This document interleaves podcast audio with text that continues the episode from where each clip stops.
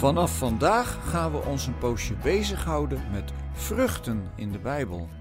Dus niet met vrucht dragen, maar gewoon eens kijken welke vruchten vaak genoemd worden en of ze een symbolische betekenis hebben. En als eerste gaan we het hebben over vijgen. Die kennen we allemaal wel. Als ik aan vijgen denk, denk ik meteen aan twee beroemde, of zo je wilt, beruchte verhalen.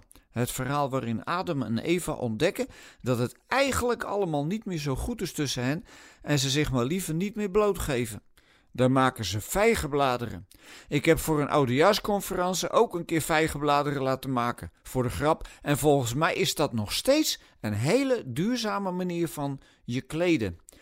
Het tweede verhaal waar ik aan denk is dat van Zacchaeus. Vijgenbomen hebben een dicht bladerdek en Zacchaeus kon zich er zo heerlijk in verstoppen, totdat Jezus hem ontmaskerde met zijn liefde. Maar ik ben even gaan lezen over vijgen. En ik ontdekte dat er veel suiker in zit. Misschien wist jij dat al lang hoor, maar mijn culinaire kwaliteiten zijn ver beneden de maat. Veel suiker, niet goed dus voor een maatschappij waarin te veel mensen kampen met overgewicht, maar wel goed als energiebron. Als ik op de racefiets zit, moet ik regelmatig drinken en in die sportdrank zit best wel wat suiker, want die verbrand je dan ook met sporten.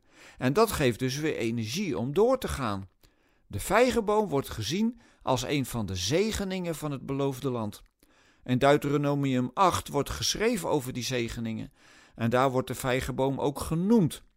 En zo kwam ik eigenlijk bij de vraag: wat doe jij eigenlijk met je energie? Ik hoop tenminste dat je die hebt, want ik ken tegenwoordig te veel mensen, juist ook jongen, die een chronisch gebrek hebben aan energie omdat ze zijn vastgelopen. Maar stel dat jij genoeg energie hebt om te leven en zelfs een beetje over hebt, wat doe je daar dan mee?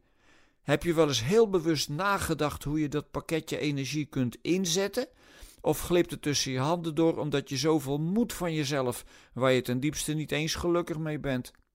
Energie kun je bijvoorbeeld stoppen in het delen van liefde.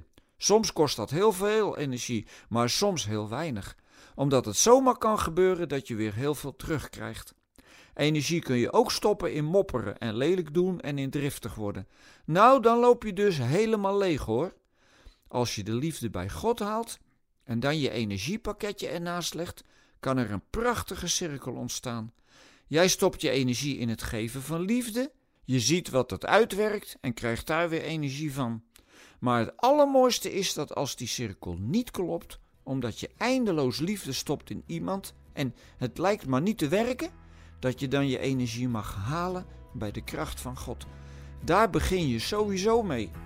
En dan kom je daar weer bij terug. En die cirkel kan niemand verbreken.